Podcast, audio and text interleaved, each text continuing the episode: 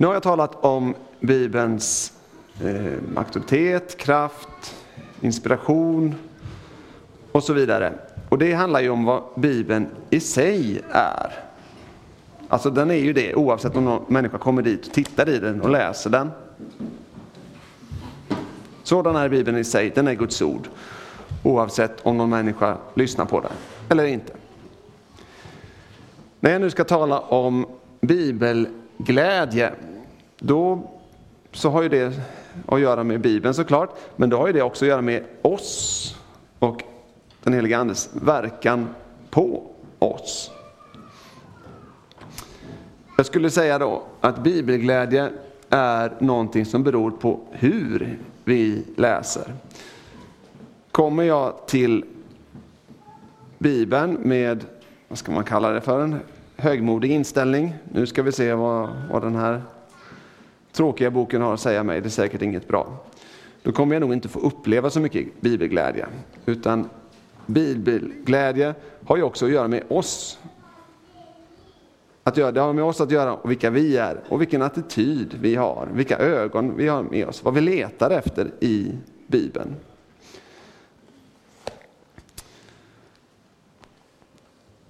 Och bibelglädjen har också att göra med effekten av Bibeln på oss.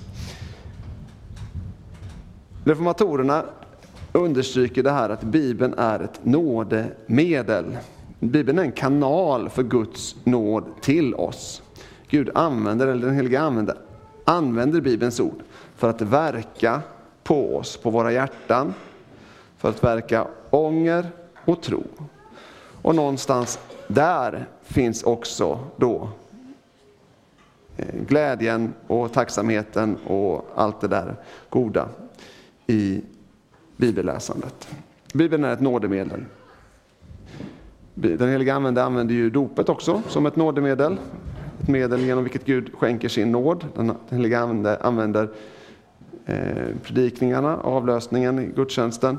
Den heliga Ande använder nattvardens bröd och vin som nådemedel, som kanaler för Guds nåd. Men också då det lästa eller det hörda bibelordet. Och det, men det, och det är viktigt att tänka på, för det betyder att när vi läser Bibeln, när vi öppnar vår Bibel, när vi lyssnar på Bibeln, då har vi med Gud att göra. Alltså det, det är liksom inte en, en stängd bok eller ett tyst ord, utan det finns ju någon bakom de här orden. Någon som har sänt de här orden till oss människor. Och som vi helt plötsligt lyssnar på. Vi lyssnar på en person när vi läser Bibelns ord, när vi hör Bibelns ord. Och det är viktigt att vara medveten om. Man går in i en personlig relation till Gud när man läser och lyssnar till Bibelns ord. Ehm, jag lyssnade på Daniel igår när han undervisade för återträffarna. Och, så, är det okej okay, Daniel att jag återberättar? Gör det. Han fick frågan någon gång, eh, har du mött Jesus? Och så visste han inte riktigt vad han skulle svara. Och sen med eftertänksamheten då, men det gör man ju faktiskt varenda gång man öppnar Bibeln. Bibeln är ett nådemedel, Gud talar genom det här. Vi möter Jesus, vi lyssnar till Jesus när vi öppnar vår Bibel, när vi hör Bibelns ord. Så har du mött Jesus? Ja, det har vi gjort den här stunden. Vi har mött Jesus, vi har hört hans ord, hans röst. Hedens röst, vi som, till oss då som är lärjungar, vi som är fåren i Guds jord. Och Det betyder då att när vi går in i den här personliga relationen till Gud, när vi öppnar vår bibel och läser den, så ska vi läsa bibeln i frälsningsavsikt. Vi ska ställa frågan, Herre, vad vill du mig? När jag läser bibeln ställer jag frågan, Herre, Jesus, vad vill du mig? Vad vill du säga genom de här orden? Vad är meningen med mitt liv? Vad vill du och så ska jag lyssna då till vad Jesus säger i bibelordet. Så när vi läser Bibeln så gör vi det som en del av vår, vår relation med Gud. Och därför så hör bibelläsningen ihop med bön. Det är naturligt att be innan man läser Bibeln, under det att man läser Bibeln, efter att man har läst Bibeln. Bibelläsning och bön hör ihop. Just därför att det är en del av vår relation med Jesus. Och då läser vi Bibeln i frälsningsavsikt, i avsikt att veta vad, vad Gud har tänkt för vår frälsning. och så. Så bibelglädje, det beror på hur vi läser Bibeln. Bibelglädje för det första. För det andra vill jag också säga något mer. Då. Bibelglädje uppkommer när vi funderar mer på det här med lag och evangelium. Eh, och det har ju att göra med att lag och evangelium, det är ju de här två principerna som finns inne i Bibeln, i Bibelns budskap och som spänner mot varandra. Och när vi funderar över det här så förstår vi mer av Guds tankar, Guds vägar för oss, Guds vilja för oss. Vilket skänker glädje, hopp, tröst och så vidare på insidan. Och möjligen har ni hört definitionerna av lag. Lagen är vad Gud kräver av oss. Och då tänker man kanske först och främst på Guds bud, tio Guds bud. Du ska inte ha andra gudar vid sidan av mig. Du ska inte missbruka Herrens din Guds namn. Tänk på vilodagen så att du helgar den och så vidare. Men det är, det är inte bara det som är Guds lag, utan Guds lag är ju allt Gud vill för oss. När Paulus talar om, om eh, ödmjukhet, eller när han talar om, eller när han talar om till exempel andens, eh, andens frukter, kärlek, glädje, tålamod, ödmjukhet och så vidare, så är det också Guds lag. Det är vad Gud vill för oss människor, att vi ska vara på det sättet. Men Guds lag är också, och det här kanske, nu blir det ännu mer eh, komplicerat. Guds lag är faktiskt också det som Jesus gör. När Jesus visar omsorg om en människa, när Jesus visar kärlek till en människa, när Jesus till exempel botar en människa, när Jesus upprättar en människa, när Jesus ser en människa, då är det också Guds lag. Det låter konstigt där. Hur kan kärlek vara Guds lag? Jo, därför att om man tittar på det som Jesus gör och inser att sådan borde ju jag också vara. Då är det också Guds lag. Då kanske någon invänder, men det, det är det ju inte bara, eller på, å ena sidan så är det Guds lag, å andra sidan så är ju det också såklart motsatsen då, evangelium som jag kommer till. Evangelium är det i Bibeln som Gud lovar och skänker. Evangelium är tröst, löften, syndernas förlåtelse. Evangelium är ju också vad Jesus gör. Så när Jesus botar en människa, till exempel när Jesus upprättar en människa, när Jesus ger hopp till en människa, då är det också evangelium. Då är det någonting som Gud skänker till oss människor. När Jesus botar liksom väcker upp Lazarus från de döda. Lazarus kom ut och så kommer Lazarus ut från graven. Då är det evangelium för oss, för det talar om vad Gud gör för människan. Det talar, ger oss hopp, tröst om att Gud på den yttersta dagen ska uppväcka oss ur våra gravar. Att döden inte är sista ordet. Evangelium är vad Gud ger. Så tröst, löften till exempel. Eh, om man om, om livet är jobbigt, man plågas av sjukdom, trasiga relationer eller så vidare, Eh, så kan man läsa löften i Bibeln, till exempel ehm, Lovad vare Herren, dag efter dag bär han oss, Gud är vår frälsning. Det är ju ett evangelium. Det är ett löfte, tröst till oss från Gud. Men det skulle också kunna uppfattas på samma gång som lag. Man kan läsa det och tänka, vad gör jag för att bära mina medmänniskor? Så samma bibelord kan uppfattas som både lag och evangelium. Och jag sa ju redan då förra, förra lektionen att Kristi kors, det är både lag och evangelium på samma gång. Det är Guds dom över synden, å ena sidan. Å andra sidan så är det samtidigt ett evangelium. Det visar hur Gud älskar varje enskild människa. Ty så älskade Gud världen att han utgav sin enfödde son så att var och en som tror på honom inte ska gå förlorad utan ha evigt liv. Det är evangelium det renaste evangelium på samma gång. Och eh, när, när man ser det här, när man förstår det här, när man liksom går på djupet i Bibeln, eh, skulle jag vilja påstå, så skänker det bibelglädje. När man förstår Guds vägar för oss. förstår att vi inte är ensamma på den här jorden utan att Gud har tänkt någonting för oss. Att vi liksom går att komma åt det här. Så skänker det tröst, hopp och glädje inför framtiden.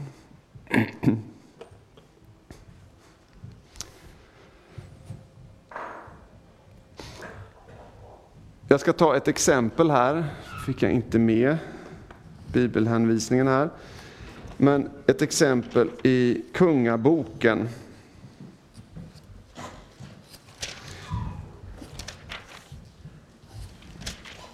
I Första Kungaboken 4 så står det om Salomos fogdar.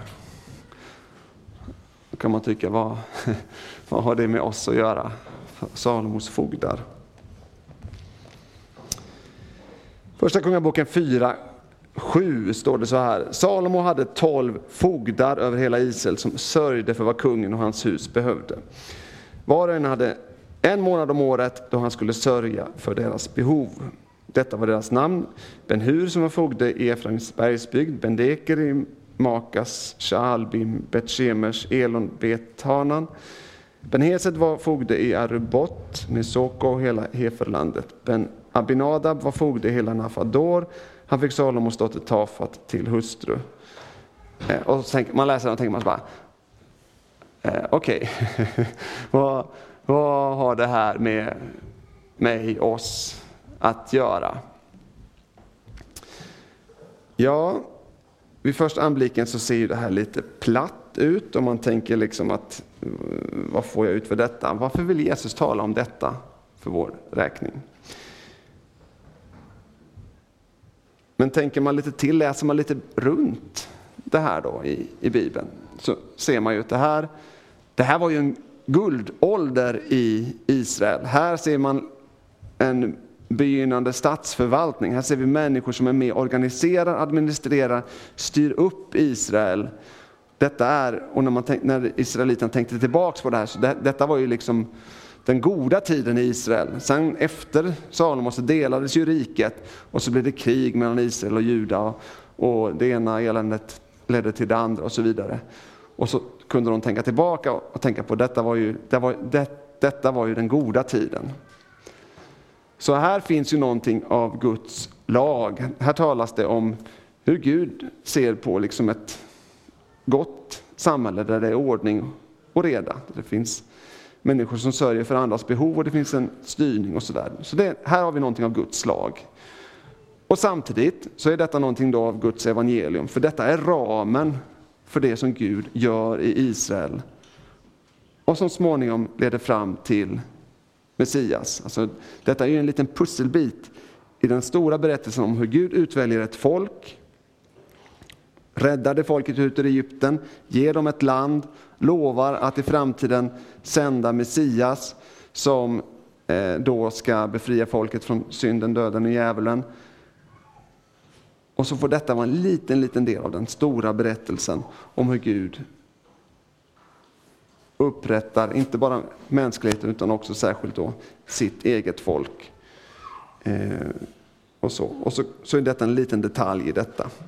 Så här finns ju i den här berättelsen som, som först av allt ser oansenlig ut. Här finns det både lag och evangelium. Här finns det någonting som berättar om det goda livet Gud vill för oss människor här på jorden, men som också så småningom kommer leda fram till Kristus. Och kan man se bibelberättelserna på det här sättet, då skänker det bibelglädje. Kan man se att de är små, ibland små detaljer i den stora berättelsen om Guds vägar för oss människor, då skänker det bibelglädje. Då blir de meningsfulla. Sen är det ju också någon slags tröst att Gud bryr sig om små detaljer. Han bryr sig inte bara om de stora dragen, utan också små detaljer. Gud brydde sig om, Gud om små detaljer på den tiden, då bryr han sig om små detaljer i vårt liv, i vår vardag. Ingenting är liksom för obetydligt för Gud.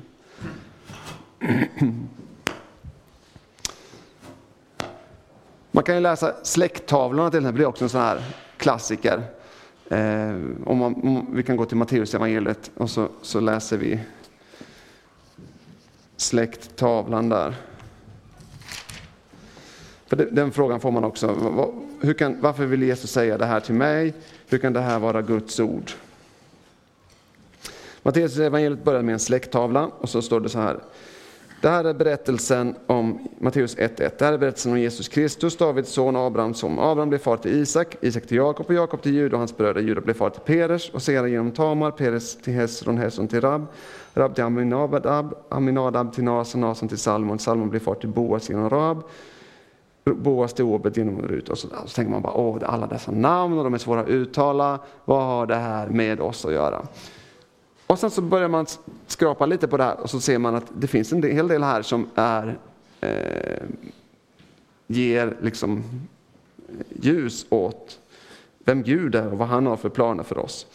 Vi ser till exempel att här finns ju, eh, här finns ju eh, vissa personer med som man inte hade förväntat sig. Till exempel Tamar finns med i släkttavlan. Berättelsen om Tamar är ju en berättelse om eh, hur Gud, trots att människor är syndiga, låter sin frälsning och sitt löfte fortsätta att leva vidare.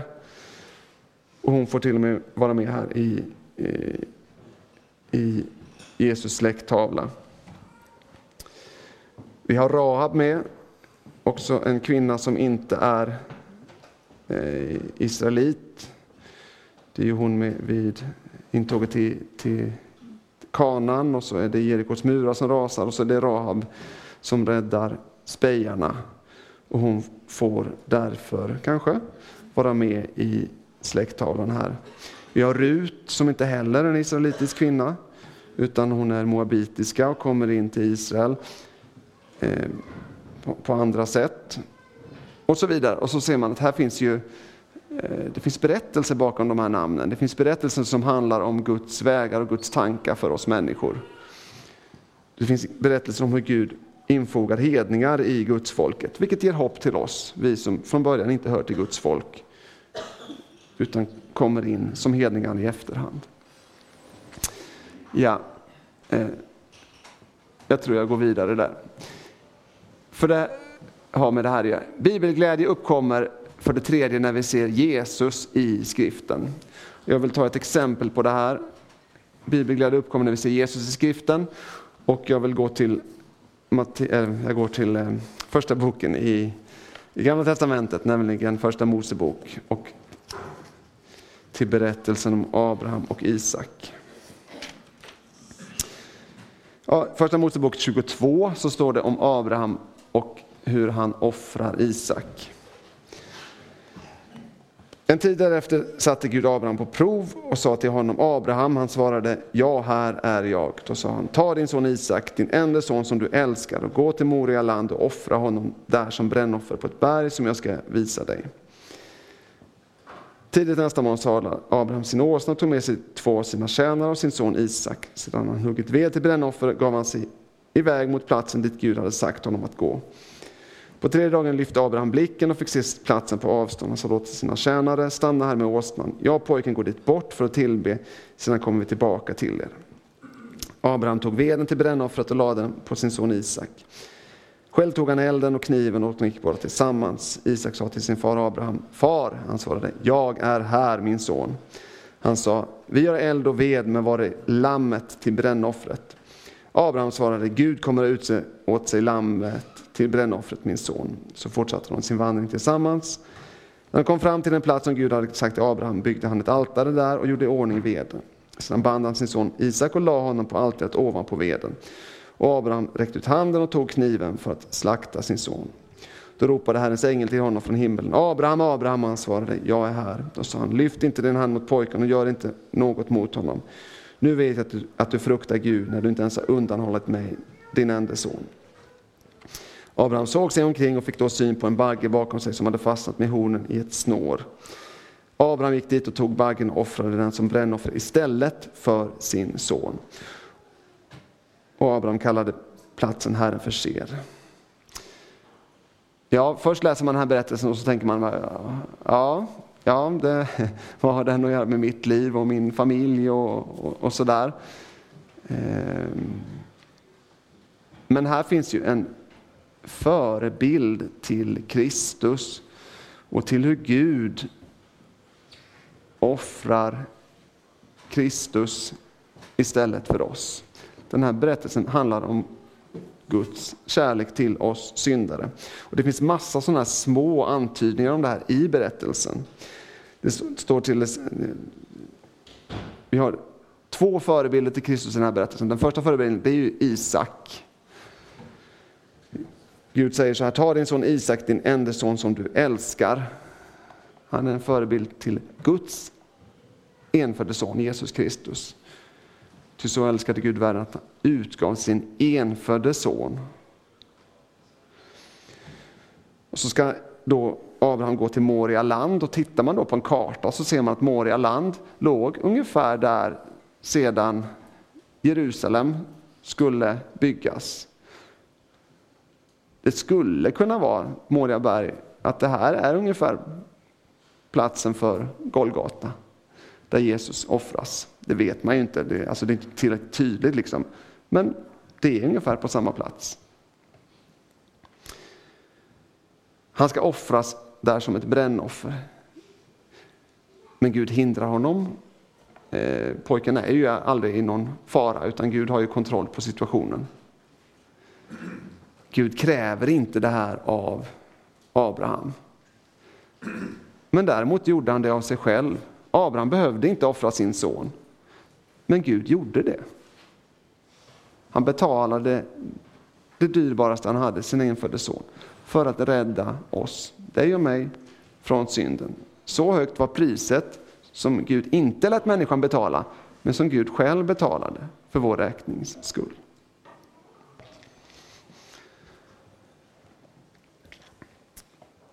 Så Isak är en förebild, första förebilden till Kristus. Den andra förebilden här, det är ju, det är ju den här eh, baggen som dyker upp där. I vers 13 står det så här, Abraham såg sig omkring och fick syn på en bagge bakom sig som hade fastnat med hornet i ett snår. Abraham gick dit och tog baggen och offrade den som brännoffer istället för sin son. Istället för dig, istället för mig offrade Gud inte en bagge, utan sin egen son.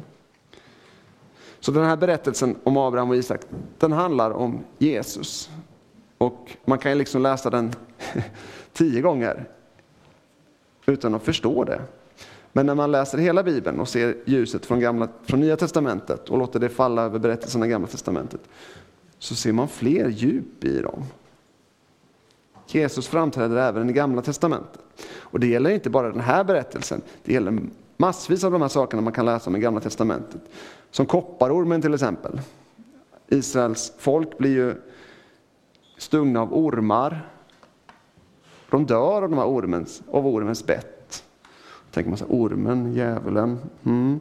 Men de dör av ormens bett och så sätter Moses upp en kopparorm och alla som tittar upp på denna kopparorm de blir friska. Vilket är en förebild till vi som då lider av syndens bett, det som djävulen har dragit in i världen. Men när vi ser upp på Kristus i tro helas vi från syndens konsekvenser. Straffet.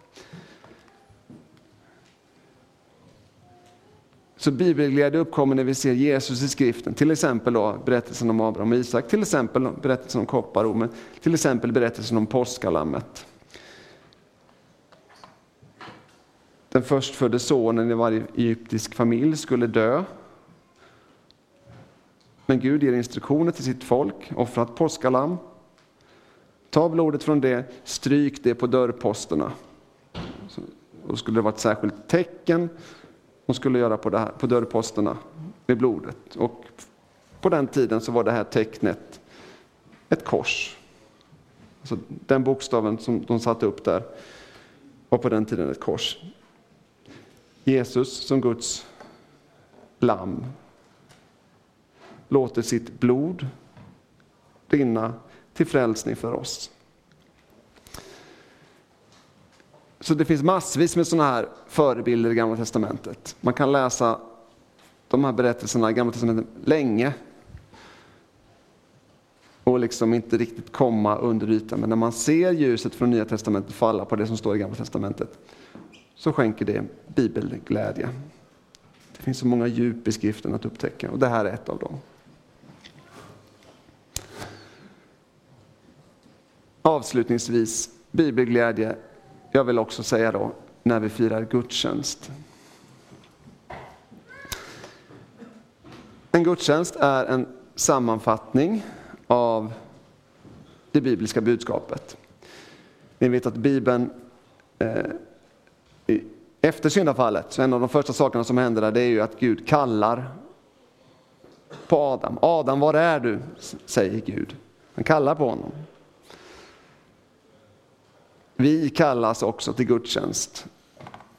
Eh, till exempel genom, om, man, om det finns kyrkklockor, till exempel genom, genom salmer och sånger.